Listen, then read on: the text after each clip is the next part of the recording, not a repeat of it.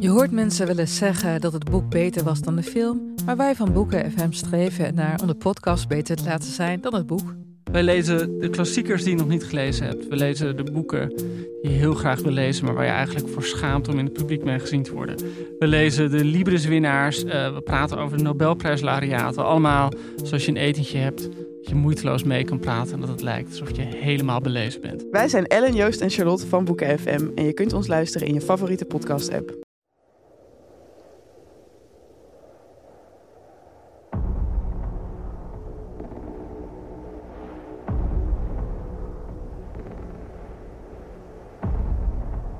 De lichamen lagen begraven op een woeste en eenzame plek in de Badlands van het Amerikaanse Wyoming.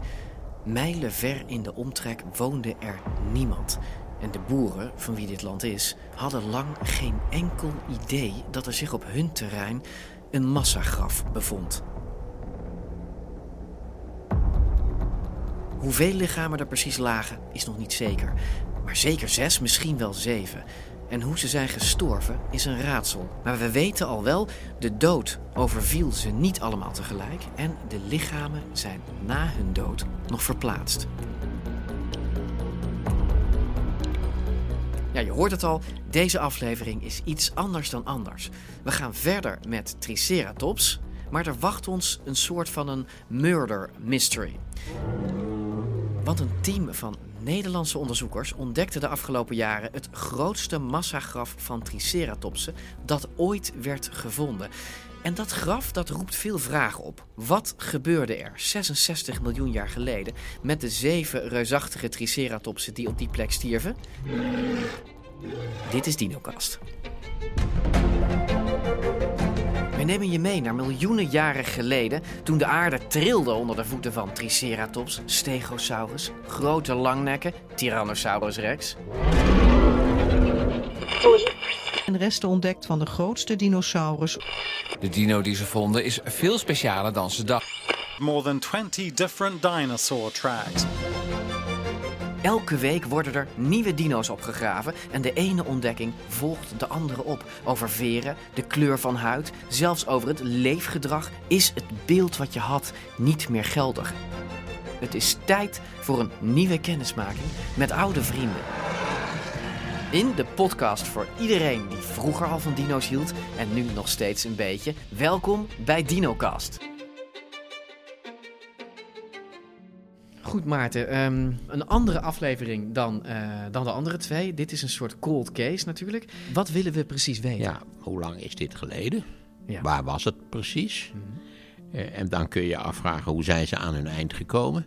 Waarom liggen er zoveel bij elkaar? Ik begrijp dat dat een betrekkelijk unieke vondst is. Ja, dat is het. En dat zal dus allemaal uitgezocht moeten worden hoe dat zit. Ja, Dat betekent wel dat je heel zorgvuldig op moet graven. Hè? Want dat is sowieso iets bij opgravingen. Vroeger werd er natuurlijk enorm geroofd bij opgravingen. ja, vroeger werd er ook maar met nu een botte weten we dat we voortdurend alles moeten fotograferen. Dat we alle afstanden nauwkeurig moeten meten. Nou, kortom, dat nauwkeurigheid geboden is. Want je moet eigenlijk de hele zaak kunnen reconstrueren. Nou ja, het is dus ein- eigenlijk eh, letterlijk een crime scene of een cold case. Ja, met, die, met die zeker. nummertjes en de plekken. En niet alleen de botten maken uit bij zo'n opgraving. Hè, dat gaan we horen, want Jimmy gaat ons vertellen hoe zo'n opgraving precies plaatsvindt. Eh, maar natuurlijk ook eh, het gebied. eh, de, de, de, de, de gesteentes eh, waar die botten in gevonden worden, daar kun je ook patronen en dingen en sporen in zien. Kunnen we erachter komen hoe deze dieren zijn gestorven? En eh, nou ja, misschien was het dus wel een kudde. Eh, Maarten, misschien was het een familie. Ik weet niet of je uit, uit die botresten kunt eh, concluderen of ze familie van elkaar zijn. Dat is te- tegenwoordig kunnen we dat direct vaststellen, Ja, maar dat, is met allemaal DNA. Dat is allemaal DNA.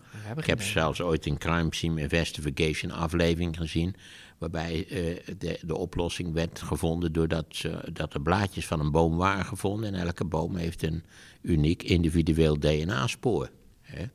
Dus als je eenmaal weet, als je vermoeden hebt van waar, en dan, dan kun je daarmee van alles en nog wat aantonen. Niet alleen mensen hebben DNA, maar ook de hele rest van de natuur heeft DNA. Ben je sowieso van de, de CSI eh, en de, de Nou, cold case series? In, in die zin vind ik crime scene investigation. Ik, ik neem aan dat het reële gevallen zijn. Het is licht gedramatiseerd. Ik heb er wel eens eentje gezien. Mhm. Maar wat je natuurlijk vooral frappeert. eh, als je iets van Amerika weet. is dat, dat het algemeen in, in de Verenigde Staten. het politiewerk van een zeldzame racistische slordigheid is waar je u tegen zegt. Dus je wordt nogal misleid over de, de wetenschappelijke en verantwoorde aanpak van de, van de Amerikaanse crime scene investigation. Maar daar kun je dus in, in, binnen dat kader kun je daar dus toch wel van genieten. Er is toch niets mooiers natuurlijk dan een behoorlijke detectiveroman. Waar je in feite de clues hebt gekregen. En als je er goed over na hebt gedacht, weet hoe het zit. En, en dan ben je toch vaak nog verrast hoe het uiteindelijk uitpakt. Al moet ik zeggen dat als je Agatha Christie leest, weet je eigenlijk na twintig bladzijden wie het gedaan heeft. Ik niet, Maarten. Ik heb er honderd thuis. Ik heb geen clue tot die laatste bladzijde. Je moet nou helemaal niet op de clues letten, maar je moet letten op de, op de karakterologische schetsen van de Ja, persoon. dat zegt Poirot ook altijd. Little did I know that that very same night, a murder most ingenious it was being planned. Are you saying you know who killed him, Mr. Poirot? Was it one of us? De karakters, het gaat niet om de bewijzen. Dat- dat klopt. Het gaat om de grijze cellen, ga je dadelijk zeggen. Weet je, we gaan snel eh, beginnen. En de Hercule Poirot van dit moment Ja. heet Jimmy de Roy. En die gaat ons vertellen hoe dit allemaal begon. Ik had heel veel mazzel. Want eh Naturaal is natuurlijk druk bezig met het opgraven van dinosauriërs. Eh, en eh Anders Schulp die heeft eigenlijk eh, in Amerika de allereerste opgraving ook opgezet voor ons. Ja, op zoek naar die triceratopsen. En toen ik Ja, onze detective van vandaag is een jonge paleontoloog. We zijn terug bij Jimmy de Roy, de Triceratops-expert die je kent van de vorige aflevering. Al vijf jaar lang bestudeert hij alleen deze dinosoort. En dat begon eigenlijk bij toeval. Toen hij zich als student meldde bij paleontoloog Anne Schulp, ook bekend van deze podcast, en dus met zijn neus in de boter viel. Of beter gezegd, in de botten viel. Toen ik op Anne afstapte, was hij eigenlijk net een weekje terug eh, van die opgraving. Dus ze hebben net een opgraving achter de rug. In Amerika. In Amerika inderdaad. Eh, maar dat betekent dus ook dat ze gloednieuwe fossielen gevonden hebben. Gloednieuw materiaal. eh super gaaf materiaal natuurlijk. Ehm, dus ik kon eigenlijk een soort van meteen instromen. Van, nou, hij vertelde me ook, eh, nou, ik ben net terug. We hebben hier nieuwe fossielen, nieuwe vondsten. Als jij een leuke onderzoeksvraag weet te bedenken, vertel het me. En we kunnen kijken of we dat kunnen uitbreiden. Of we kunnen, of we kunnen onderzoeken eh, voor, je, voor je afstudeerprojectje. Dus je kwam aan en er lag gewoon een, een lading verse fossielen op je te wachten. Straight from the United States. En dat waren dus Triceratops fossielen. Precies, dat zijn de triceratops-fossielen waar ik nu nog steeds aan werk. Ehm, want eh, ja, ik moest dus een onderzoekvraag bedenken. En het leuke is, de vragen die ik bedacht had op dat moment, eh, vijf jaar geleden, die heb ik nog steeds niet beantwoord. En daar ben ik nu nog steeds mee bezig om die antwoorden op te zoeken. zeg En dat vind jij leuk dat ze vijf jaar daarna nog steeds niet zijn beantwoord? Ja, stiekem wel. Dus eh, het, het laat zien hè, hoe, ja, hoe moeilijk het eigenlijk ook is, maar ook hoe interessant het is. Vijf jaar is hij al bezig en hij weet best dat het nog minstens vijf jaar duurt voordat hij de antwoorden heeft waar hij op hoopt. Nou, dan moet je dus wel heel erg veel plezier hebben in de zoektocht alleen al. Een beetje zoals mensen die enthousiast aan, aan puzzels van 10.000 stukjes beginnen. Maar goed, als we dit mysterie willen oplossen, dan moeten we beginnen bij het begin. En dat is in de rotsige gele aarde van Wyoming, waar Jimmy en zijn collega's die beenderen opgroeven. Ik heb eigenlijk het grote geluk gehad dat ik eh, mee mocht met de opgravingen. Vanaf 2016 eh, tot en met eh, 2019 de zomer heb ik eigenlijk jaarlijks kunnen bijdragen ook aan het opgraven van die beesten. Het is natuurlijk echt een jongensdroom, hè? dinosaurusfossielen opgraven en aan aanraken. Eh, maar daar kom je ook echt achter ja, hoe gaaf het eigenlijk is. En met hun opgravingen in Wyoming traden ze letterlijk in de voetsporen van een eenzame cowboy, Edmund Wilson. Want hij was de eerste die, ruim 130 jaar geleden, oog in oog stond met een triceratops. En plat gezegd, hij schrok zich de tering.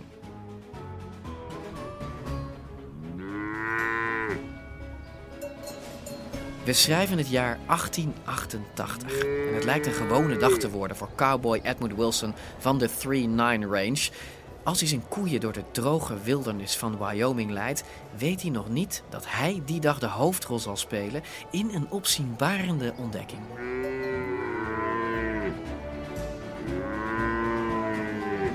Het gebeurt als hij zijn kudde langs een ravijn drijft. Plotseling ziet hij uit de steile rotswand een monsterlijke schedel steken. Een groot dier staart naar hem en hij staart terug. Wilson beschrijft hem later in zijn eigen woorden. Het had hoorns zo lang als de steel van een houweel en oogkassen zo groot als je hoed. Als de schrik voorbij is en hij beseft dat hij een bijzondere vondst heeft gedaan, werpt hij zijn lasso om de hoorns en probeert de schedel met zijn paard uit het ravijn te trekken. Nou, op zich geen gek idee, hè, want de schedel zit in zandsteen en dat is vrij los gesteente. Toch gaat het mis. Want het hele gevaarte komt los uit de rotswand. En het ding blijkt gigantisch, zo'n 2000 pond zwaar. De hoorns breken af en de rest stort het ravijn in. En daar heeft Wilson nog geluk mee, anders zou hij waarschijnlijk met paard en al het ravijn zijn ingegaan.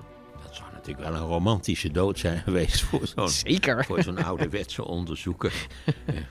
de schedel is uh, tenslotte natuurlijk naar de wetenschappers uh, geraakt, nadat Ja. die kennelijk uit het ravijn is opgevist. Mhm. En wij vinden ook Cowboy Wilsons naam keurig terug in de beschrijvingen uit die tijd. Ik meen ook een foto van Cowboy Wilson te hebben gezien waar je denkt, ja, dit is een bejaarde Clint Eastwood- die zijn baard heeft laten groeien. De beroemde paleontoloog Mars schrijft in zijn aantekeningen in 1889, twee jaar na de geboorte van mijn opa, dit dier heeft kenmerken die we niet eerder bij dinosauriërs zagen. Naast de twee massieve hoorns op de kop is er nog een derde op de neus. Het is eigenlijk een beetje een verwijtend tekstje. Dit is nog wel heel erg bruin gebakken met die, met die dingen. Net zoals bij een neushoorn. Ja. Ook beschrijft hij een puntige bek, zoals van een schildpad. En hij verbaast zich dan ook nog over de gigantische kraag op het achterhoofd. Deze schedel is 50 maal zo zwaar als die van de grootste sauropoden die we hebben gevonden. 50 maal zo zwaar. Ja, dat is wel vrij opmerkelijk. Nou ja, kennelijk hadden ze ook nog niet zo heel veel sauropoden gevonden. Of zijn dat die lui met die hele kleine koppen? Ja, dat zijn van die lui met die hele lange nekken en die hele kleine kopjes. Dus op zich snap ik dat wel. Maar 50 Ja, keer is bij zo'n bij zo'n nek kun je dan natuurlijk ook niet de schedel van een triceratops hebben. Dat gaat niet. Nee, dat zou helemaal niet overeind Want je blijven. hebt bij zo'n lange nek heb je natuurlijk maar een heel klein hoofdje. Ja, dat is waar. Dat is waar. Dan, eh, eh, hij heeft het dier ook een naam gegeven. Ja, hè? dat is ook leuk natuurlijk. Mars noemt het dier Triceratops horridus. Ja. Dat hoeven we niet nader te verklaren natuurlijk. Maar dat sluit een beetje aan op het idee dat alle dinosaurussen een beetje eng waren eigenlijk. Hè? Dat, dat het hele gevaarlijke, hele gevaarlijke monsters waren en zo. Hè? Je ziet haast die onze natuurvriend erbij van... Dit is de gevaarlijkste haai ter wereld. Hij heeft vorige week nog 17 zwemmers opgegeten. Maar vandaag maken wij kennis met hem. Triceratops. Misschien is het ook een goede verkooptruc geweest. Hè? Eh, Dat, dat klinkt eng. Het, het is natuurlijk een soort draak die toen gevonden werd. Nou ja, kijk, dit hele startonderzoek natuurlijk naar dinosaurus, dat zijn allemaal, wat ik er zo van begrepen heb, avonturiers. Dit Zeker. zijn romantici. Dus ja, je trekt de wildernis in. Dat was Wyoming in de, in de late 19e eeuw. Daar moet je echt niets van voorstellen. Behalve verrek veel dennenbomen. Eh, dus ja, ik kan me daar wel iets bij voorstellen. Ja, Mars was geen doetje, maar hij wist ook precies hoe de, hoe de PR-machine werkte. Hè? Officieel, officieel zou dat Horridus ook kunnen slaan op de, eh, de ruwe schedel. Hè? Die, zou die zou ruw Horridus zijn, aangetast door, door wind en door erosie. Maar weet je, ik hoop dat Mars hier ook verwees naar die, naar die vreselijke ontdekking. Die, die, die, die, Cowboy Wilson is natuurlijk helemaal het leplazers geschrokken. Dus eh, misschien dat dat een verwijzing was. Nou, opgravingen in die tijd, die gebeurden met eh, lasso's en paarden en ongelukken. Ja, slordig. Dat is allemaal slordig werk. Maar, maar nu gebeurt het met, met, met tentjes en met vrijwilligers. Maar dat betekent niet dat het makkelijk is. Ja, we gaan daar heel vaak heen met ons, met, eh, met, met ons opgraafteam, ons vrijwilligersteam. Dus heel vaak zitten we daar met een man, ja, 10, 15, hooguit 20 man in het veld. En een- slaap je dan in tent of in caravans of hoe werkt dat? Ja, tenten. Dus dat is, eh, het, het is hard werk. Ik ben eigenlijk aan het kamperen. En niet even kamperen in de Ardennen, eh, geen glamping. Maar je bent echt uh, ja, in je eigen meegenomen tentje in de, in de, de hitte van 40 graden. Uh, ja, ben je eigenlijk aan het overnachten. Het is hier lekker vies. Ik heb begrepen dat ik maar uh, één keer in de vier dagen kan douchen afzien mag, wordt erbij een beetje vies worden. Nou, en het leuke is, is dat van die opgravingen, dat daar YouTube-vlogs van zijn gemaakt, die keurig bijhouden hoe smerig iedereen werd, maar ook hoe je een dinosaurier opgraaft in de zinderende hitte van een lege woestenij. Je hoort de worstelingen van Jimmy's collega Matthijs. Nou, mijn telefoon heeft al een paar keer aangegeven dat hij niet kan filmen, dat hij eerst moet afkoelen. Dus dat geeft wel aan hoe heet het hier is. Het waait amper nu. Je zit hier in een woestijnomgeving. Dus het is uh, flink heet, maar het is hier wel echt prachtig. En je hoort helemaal niks om je heen. Alleen af en toe wat vogeltjes. En voor de rest ben je eigenlijk gewoon helemaal alleen met het kamp in de achtergrond. Want het is een soort woestijngebied. Ja, we spreken over de Amerikaanse Badlands. Dus het is niet woestijn, het is een beetje steppen. Dus je vindt nog wel struikjes en plantjes. En die uh, goede oude tumbleweed die we allemaal wel kennen. Uh, nou, dat wijdt er ook voorbij. Uh, maar ja, echt landklimaat hebben we het over. We zitten in Midden-Amerika, Hartje Amerika. dus ja, het kan echt gloeiend heet zijn in de zomer.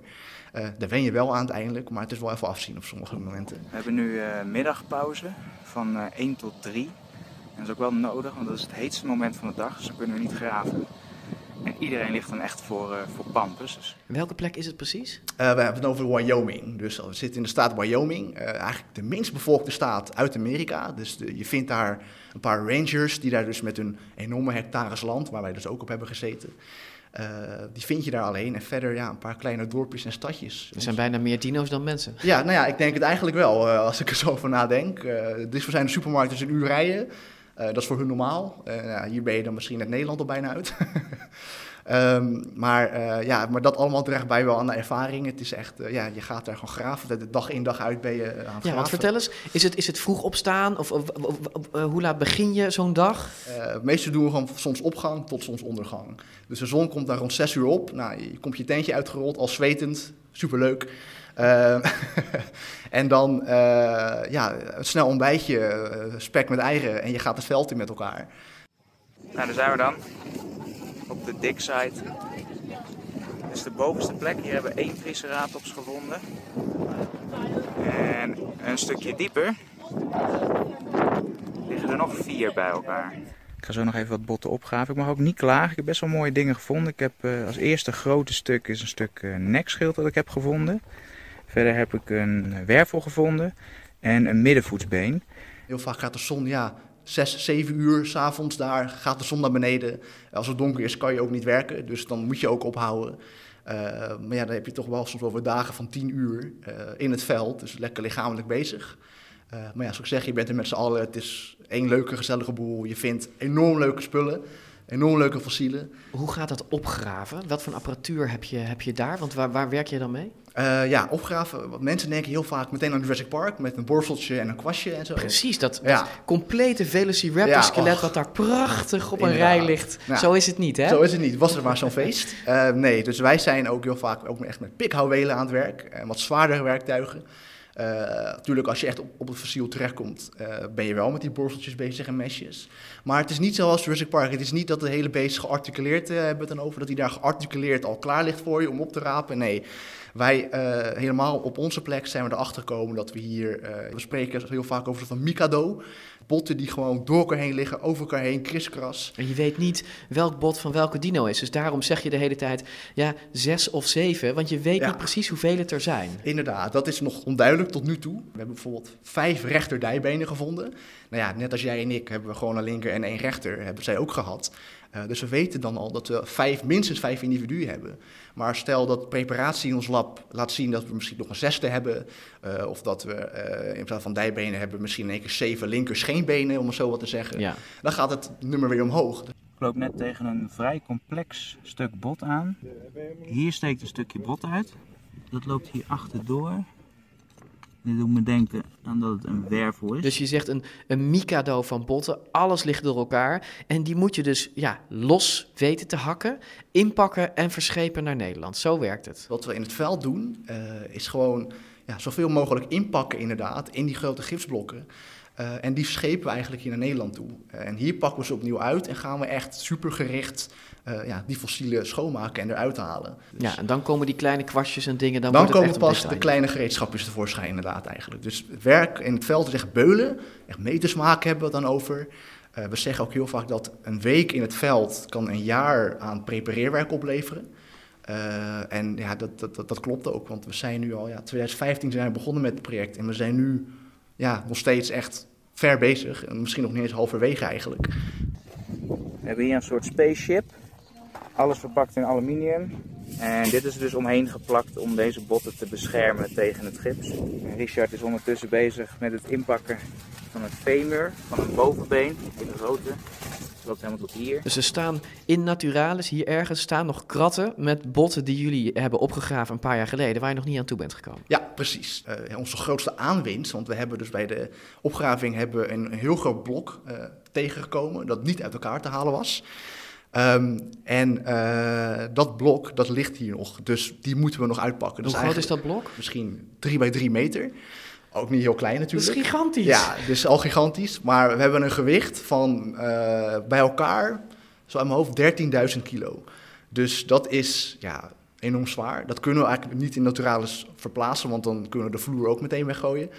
Uh, maar daar zitten dus nog ook de meest interessante botten in. Dus daar zitten ook nog hele schedels in, denken we. Denk aan de hoorns, denk aan de kam van een triceratops. En kun je dat soort dingen niet scannen? Want in Jurassic Park zie je dat ze dan een, een computerscanner hebben. Dat was in 1993. Ja, toen al. Dus dat, kun, kun, je zo'n blok niet, heb je dat niet ge-x-rayed, waardoor je ongeveer weet wat erin zit? Dat willen we nog gaan doen. Het is ook een stukje tentoonstelling, uh, denken we nu. Want dat blok, dat ligt nog zoals het in het veld ook lag. En dat is voor het publiek natuurlijk super gaaf ook om dat te weten. Want het publiek ziet alleen maar het eindresultaat. Hè. Die ziet nu een triceratops staan of een T-rex. Nou, super gaaf.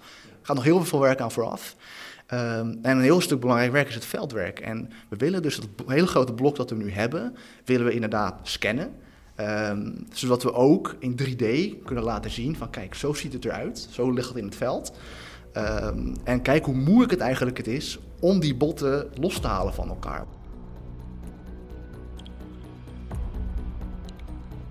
En hier komen we weer terug op ons mysterie. Want elk jaar keert de ploeg terug in Wyoming om verder te graven. En langzaam komen Jimmy en zijn collega's erachter dat ze op een hele bizarre vondst zijn gestuurd. Een massagraf, een absolute primeur. We hebben ook wel een beetje geluk gehad als Nederland zijnde. Ja, niemand wist dat we zo'n massagraf tevoorschijn zouden halen. Toen we begonnen aan dit project staken er misschien één of twee triceratopsen uit de grond. Nou ja, dat was natuurlijk al een heel goed teken ook wel om verder te graven daar. Maar dat werd maar meer en werd maar meer en werd maar meer. Het hield, hield niet op, letterlijk. Er kwam steeds maar nieuw materiaal tevoorschijn. We hebben hier eigenlijk het grootste massagraf van triceratops ter wereld. En uh, nog belangrijker, het is monospecific, of zijn Engels. Dus dat betekent dat het uit één soort bestaat. Dus je um, hebt het over een graf met meerdere triceratopsen bij elkaar, zonder dat er andere dinobotten bij liggen. Ja, precies. En dat is heel erg uniek eigenlijk. Want bij een massagraf denk je heel vaak ook meteen aan dat er van alles doorheen ligt. Maar wij vinden alleen maar triceratopsen. Ons massagraf uh, ja, wordt gekenmerkt door 1100 triceratopsbotten. En om dat in perspectief te zetten met vorige twee massagraven, alle twee de massagraven toen de tijd werden gekenmerkt door ongeveer 100 tot 110 botten van Triceratops. Je hebt tien keer zoveel botten gevonden, dus ze zijn veel completer. En het zijn dus ook waarschijnlijk 6 à 7 individuen in plaats van 3. Zo bijzonder is deze. Precies, klopt. Dus echt, uh, we hebben een heel leuk stukje hier. En ja, hoe dat kan, dat is dus eigenlijk een van de allergrootste vraagstukken waar we nu mee bezig zijn ook. Hè, waarom liggen die beesten daar bij elkaar? En dat is nog maar één van de vele vragen die oprijzen bij de vondst van de dieren. Is het een kudde, een groep of zelfs een familie? Wat deden ze daar op die plek? Zijn ze tegelijk gestorven? En hoe dan? Nou, het team probeert al deze vragen nu te beantwoorden. En één ding is al meteen duidelijk: dit is niet één groep, het zijn er namelijk twee. Die hebben een massagraf. Dat bestaat uit verschillende lagen. Dus we hebben eigenlijk een groot massagraf, dat noemen we dan benedenzijt, uh, waar ja, vier, vijf, zes, misschien zelfs zeven individuen bij elkaar liggen. Zeven triceratopsen ja, bij elkaar? dat is echt niet normaal hè, als je erover nadenkt. Vier, vijf meter hoger in de stratigrafie, dus een heel pak zandsteen omhoog. Daar vinden we eigenlijk ook nog de restanten van twee triceratopsen. En een van die triceratopsen staat nu opgezet bij onze naturalis. Dat is Dirk, hè, Ja, koosnaampje Dirk. Dat was een van die twee. Ehm, maar nu zijn we dus aan het focussen op de benedenzijde, zoals ik net vertelde. En daar vinden we dus ja, ja, een hele kudde misschien zelfs. En betekent dat dan dat eh, die twee die bovenop liggen, ehm, zijn die in een ander eh, tijdperk doodgegaan dan, dan die, daar, die daaronder liggen? Ja, dat is zeker zo. Dus hè, ehm, ik, heb, ik, ik sprak net over die ja, vijf meter aan zandsteen die ertussenin ligt. En dat kan overeenkomen met, ja, dat weten we niet precies, maar toch wel 5000 tot 10.000 jaar.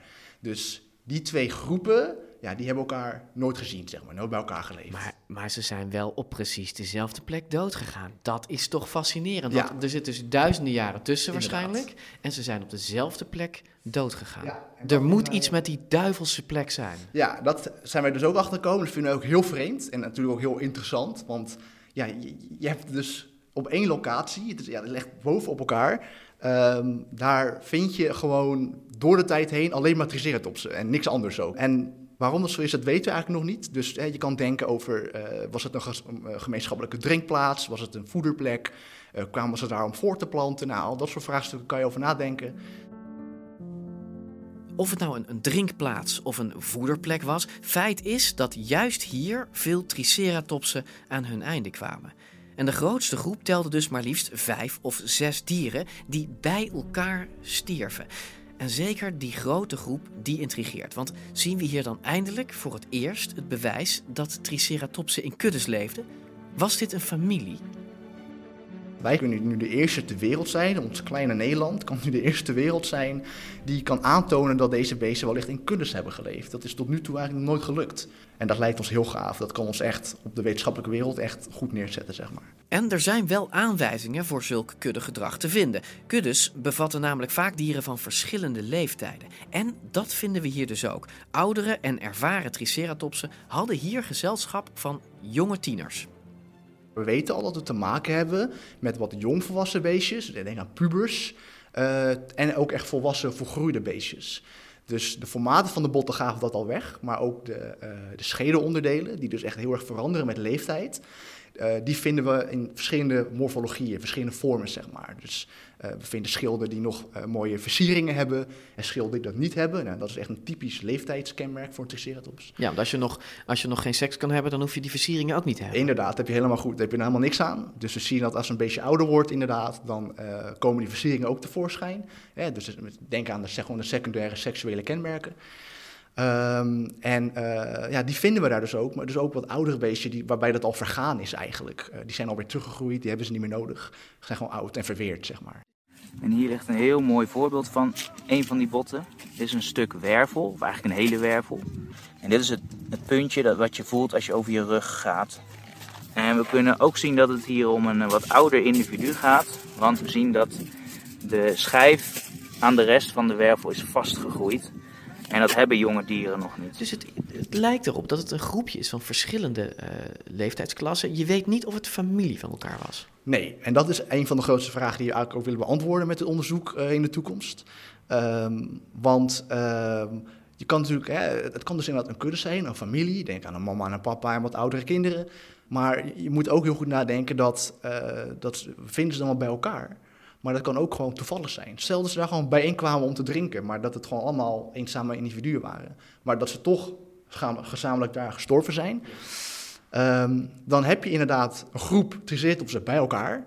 Maar het is geen kudde geweest dus, want er zijn gewoon, toevallig waren ze bij elkaar. Hoe, hoe, hoe weet je dat of het familie is? Kun je dat nog achterhalen door botonderzoek of zo? Is dat te doen?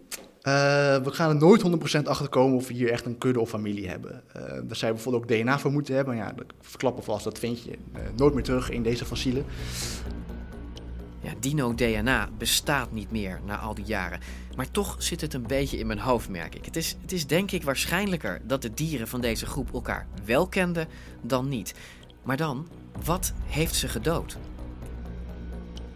We kunnen in ieder geval al zeggen, en we denken dat het ook zo is, dat we eh, te maken hebben met één event. Dus eh, ze zijn allemaal tegelijk gestorven en beg- begraven ook. Eh, de aardlagen die je dus, hè, het ligt allemaal in laagjes natuurlijk, de fossielen. En we zien dat alles wat we vinden, ligt eigenlijk gewoon op hetzelfde level in de grond. Het is één moment geweest, zeg je.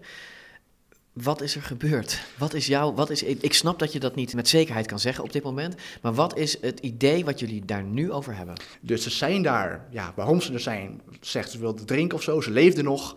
Uh, op een gegeven moment komen ze vast te zitten in zo'n modderpoel, een hele gemene modderpoel naast de rivier.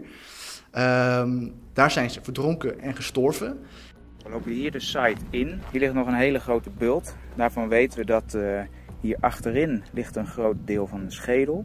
En hier naast elkaar liggen twee stukken nekschild. En we denken dat ze liggen in een soort van rivier die uh, later opgedoogd is. En die was ongeveer zo breed, schatten we. Wat voor gebied was het, het krijt waar deze dieren in, in, in rondliepen? Uh, ja, het was een heel nat gebied, om het zo te zeggen. Uh, dus we spreken dan echt over een moerassig gebied. denk aan heel veel varens, hè, die ook afhankelijk zijn van vocht en water. ja, heel veel modder dus. naast de rivierbedding ook, oevers. Uh, met ook wat moerasachtige planten en boompjes. Uh, dus een heel nat gebied dat eigenlijk alleen maar natter werd tijdens de monsoons en zo. Wanneer die rivieren ook konden overstromen. Ja. Uh, dus ja, gewoon heel erg veel ook plekken om te verdrinken, om het zo te zeggen. Dus het is ook een heel, aannemelijke, een heel aannemelijk scenario dat ze daar vast komen te zitten op een gegeven moment. Oké, okay, ik stel me dus voor. Een drinkplaats langs een rivier. 66 miljoen jaar geleden. Het is het regenseizoen, zoals Jimmy beschreef, en moessonregens gezelen het land. Riviertjes worden brede stromen en wat eerst een stevige oever was, verandert in een drassige modderpoel.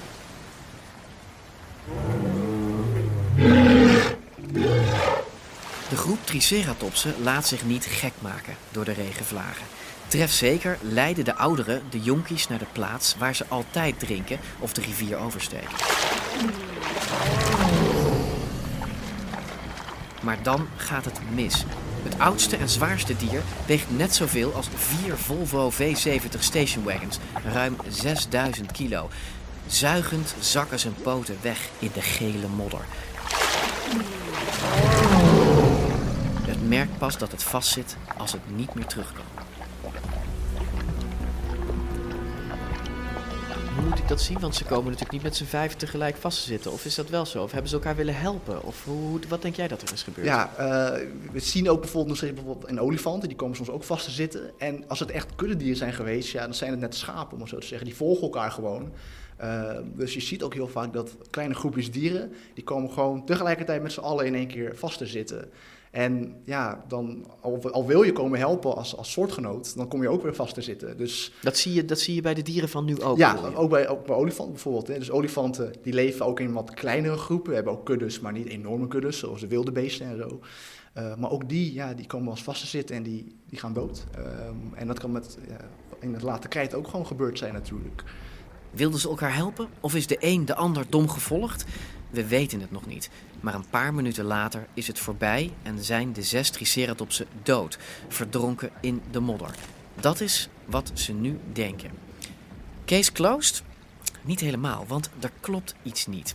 De dieren zijn namelijk niet in de klassieke verdrinkingsdoodhouding gevonden, vertelt Jimmy.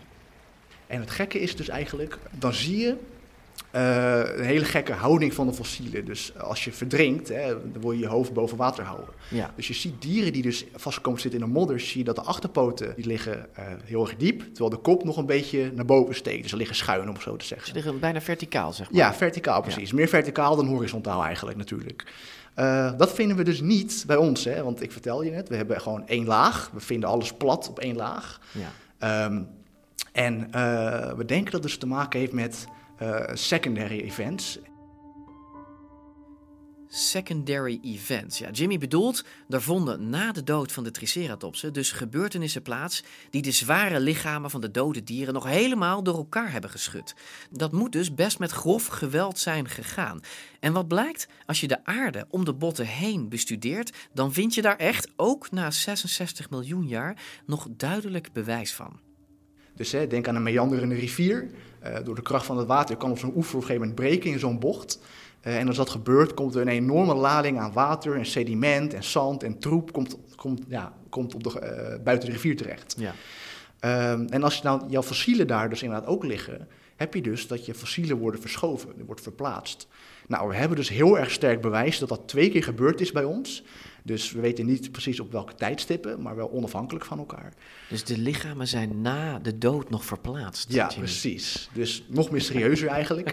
Maar hoe weet je dan dat het bijvoorbeeld twee keer nog gebeurd is? Kun je dat aan de aardlagen zien of zo? Uh, ja, niet per se aan de aardlagen zelf, maar aan de korrelgrootte. Korrelgrootte kan vertellen over je stroomsnelheid van je, van je rivierbedding, zeg maar. Van de rivier waar het in gelegen heeft, van je water. We hebben sowieso eh, rondom de Triceratops een heel erg fijnkorrelig materiaal. Dus een heel rustig omgeving afgezet. Dus gewoon stilliggend water en ze verdrinken erin. Ja. Maar we zien ook op, uh, vanuit het noorden en het zuiden vinden we enorme impulsen van heel grof materiaal, echt zanderig materiaal. Dus dat er dus twee keer van verschillende richtingen dus ook, dat we daar uh, ja, gewoon een enorme zandgolf hebben gekregen. Die dus eerst de uh, botten één richting opduwde en vervolgens zoveel momenten later de andere kant opduwde. Ja, dus uiteindelijk, ze zijn waarschijnlijk dus vastkomen te zitten. Ze zijn dan redelijk rechtstandig, zouden ze moeten, uh, ja. moeten zijn gestorven. Inderdaad. Maar die botten zijn daarna door verschillende rivierdoorbraken weer heen en weer ja, gehusseld. precies. Dat is nu onze uh, ja, lopende hypothese. Dat is waar we ook uh, nou, ja, over willen publiceren. We gaan het nooit zeker weten, we waren er niet bij. Uh, jammer genoeg. Um, dus we moeten het doen met de data en de fossielen en het zand en de grond dat we hebben. Uh, en dit is dan waar we op uitkomen. Zo is het dus waarschijnlijk gegaan. Detective Hercule Poirot zou trots zijn geweest. En met elke aardlaag die wordt opgegraven, elk bot dat wordt bekeken en gescand, zullen we meer te weten komen. Duurt nog even, hè? want je weet inmiddels, er liggen letterlijk nog duizenden kilo's aan aarde en botten te wachten om uitgeplozen te worden door Jimmy en zijn team.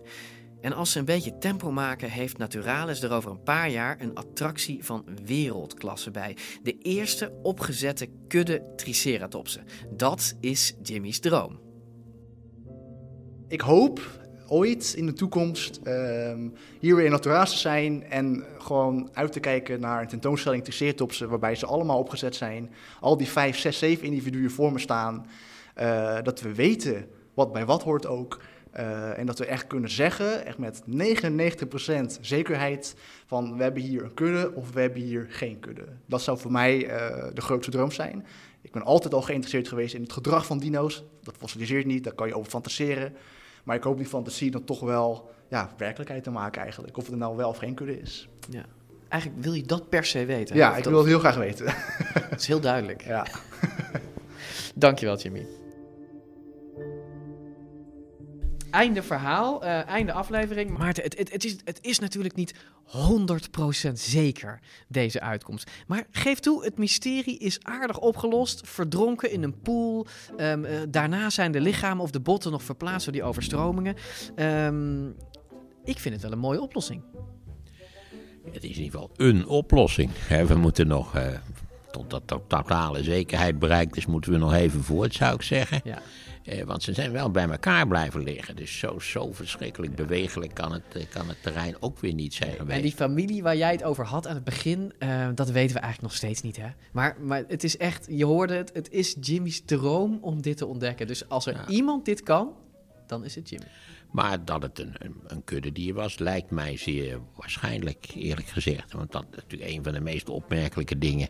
Eh, niet waar van, het, van die dinosauriërs en alles wat we er tot nu toe uh, van afweten. Is mm-hmm. dat de natuur eigenlijk voortdurend met verschillend startmateriaal ongeveer tot dezelfde oplossingen geraakt. He, dat zullen we ook zien bij, bij, die, bij die zwemmende mosasaurus. Dat type is dat, ja, als je de beest ziet, denk je, god, het is gewoon een dolfijn. Weliswaar een hele grote dolfijn, maar het is gewoon ja. een dolfijn. Ja. He, simpelweg omdat stroomlijn in het water altijd ongeveer dezelfde oplossingen ja. genereert. Ja, die vormen komen altijd uit op dolfijnen of krokodillen of dat soort achtige vormen. Ja. ja. En, en, dan, en dan nog even die, die droom die Jimmy omschrijft. Hè? Um, um, hij wil ze natuurlijk samen opstellen met z'n met zeven in één gebouw. Ja, ik durf bijna niet te zeggen. Ze kunnen ze natuurlijk ook verkopen. Want ik heb even gecheckt online wat een schedel doet. En dat is alleen de schedel. Hè? Ja. Um, die doet zomaar anderhalf miljoen. Stel je nou voor dat je voor een, uh, een hele Triceratops zo'n 3 miljoen kan krijgen. Nou, dan kom je, nou ja, keer 6. Wat kun je met 18 miljoen? Nou, ik zou daar niet voor zijn. Oh. Ik geef je een tegenvoorbeeld. We hebben in Nederland betrekkelijk veel Rembrandts in publiek bezit. En wat dacht je dat die dingen die doen per stuk tegenwoordig op een beetje veiling 70 miljoen of meer? Hè? Dus waarom zouden we eigenlijk niet de helft van die Rembrandts verpatsen en daar nog een dino's het kan verkopen. heel makkelijk ergens tegen een miljard opleveren. En dan kunnen we of andere schilderijen kopen. Misschien dino-skeletten, weet ik wat je ermee wil doen. Maar ik denk niet dat dit een populair idee wordt, eerlijk gezegd.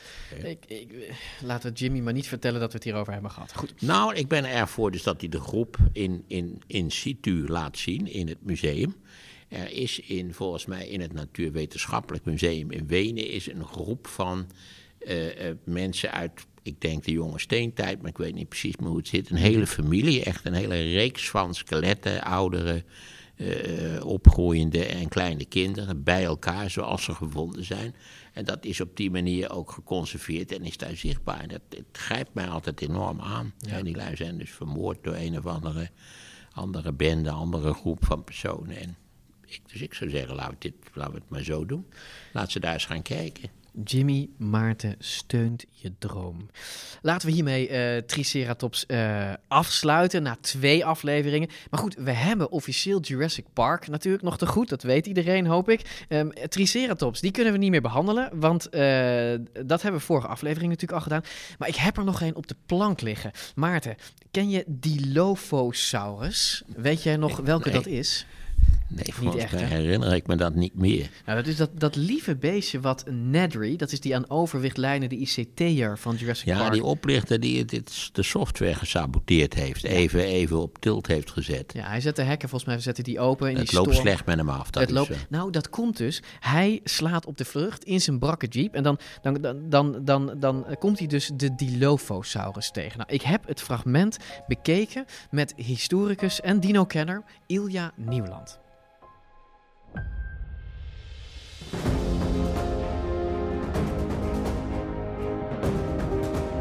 De films van Jurassic Park wekten dinosauriërs tot leven en het zijn deze dieren die ons in het geheugen zijn gegrift. Hoe ze bewegen, hoe ze lopen, hoe ze eruit zien. Maar klopt dat nog wel? Wat klopt er bijvoorbeeld van Dilophosaurus?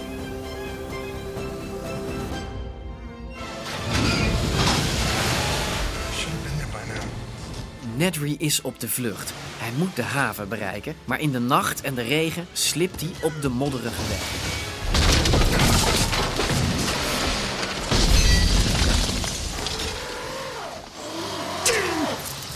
Als hij probeert zijn auto recht te krijgen, komt er nieuwsgierig een kleine dinosaurus kijken. Eerst schrikt Nedry. Nice dinosaur. Oh, thought you were one of your big brothers. You're not so bad. You're not so bad. What do you want? Maar al snel wil hij van het domme beest af. I just fell down a hill. I'm soaking wet. I don't have any food. I have no food on me. And no wonder you're extinct. I'm gonna run you over when I come back down.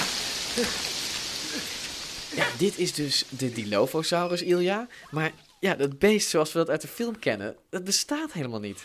Nee, dit is natuurlijk ook wel een, een voorbeeld van hoe je iets effectief vermonstert. Um, in, ironisch genoeg juist kleiner maakt dan die eigenlijk is. Ja, want Dilophosaurus, voor de duidelijkheid, bestaat, is een bestaande vleesetende dinosaurus, maar ja. hij zit echt gewoon veel groter. Hij zit echt veel groter, ja, 6, 7 meter. Dan kan die natuurlijk, kun je dat ondervangend zeggen, dit is een jonkie. Um, Vooruit. Maar er zijn anatomisch ook nog wel een paar andere dingen mis mee. Precies, want net als de arme Nedry denkt dat hij van zijn Dilophosaurus af is, klapt het beest een enorme nekkraag uit.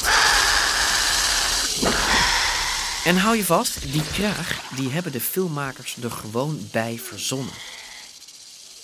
Dat, dit is echt uh, artistieke vrijheid van de filmmakers geweest. Nou, ze hebben dus Daarbij. gewoon gekeken naar andere dieren, want die kraag ja. bestaat natuurlijk wel. Dit soort kragen bestaan onder hagedissen. Er is een uh, basilisk-hagedis uit meende ergens Midden-Amerika die zo'n kraag heeft. Wat verder trouwens een vrij onschuldig beestje is. En is, dat, is zo'n kraag dan bedoeld voor het indruk maken? Ja, maar niet op je prooi. Oh, op, maar meer op, op nou, de andere seksen. Dat is natuurlijk het idee. Meestal zijn dit soort hele ostentatieve display dingen, denk aan de veren van een pauw, zijn bedoeld om te zorgen dat er kleine kraagjes komen. Het lijkt me toch sterk dat deze Dilophosaurus Nedry uh, in de regen heeft aangezien voor een soortgenoot. Nee, het zou de hele scène wel een, een unieke twist hebben gegeven. Want een beetje jammer dat ze er daarna mee ophielden. Maar nou, je het... ziet, ze zitten uiteindelijk in die auto samen. Je ja. ziet wat schaduw, die auto begint te schokken. Je weet Je niet weet wat het hij niet. Nee, nee, nee. Wij hebben dat in ons hoofd verder natuurlijk bedacht. Dat die man doodging, maar daar hebben we geen bewijs van. Dat klopt. Er stroomt wel wat bloed in het. Nou ja, ik wil, Ah. de, ik wil de echte scène dan niet. Goed. ehm, en dan nog, nog even één ding, eh Ilja. Dat hij, hij, hij zet die kraag op en dan spuugt hij vervolgens Ja. Nedry een of andere kleverige vloeistof in het gezicht.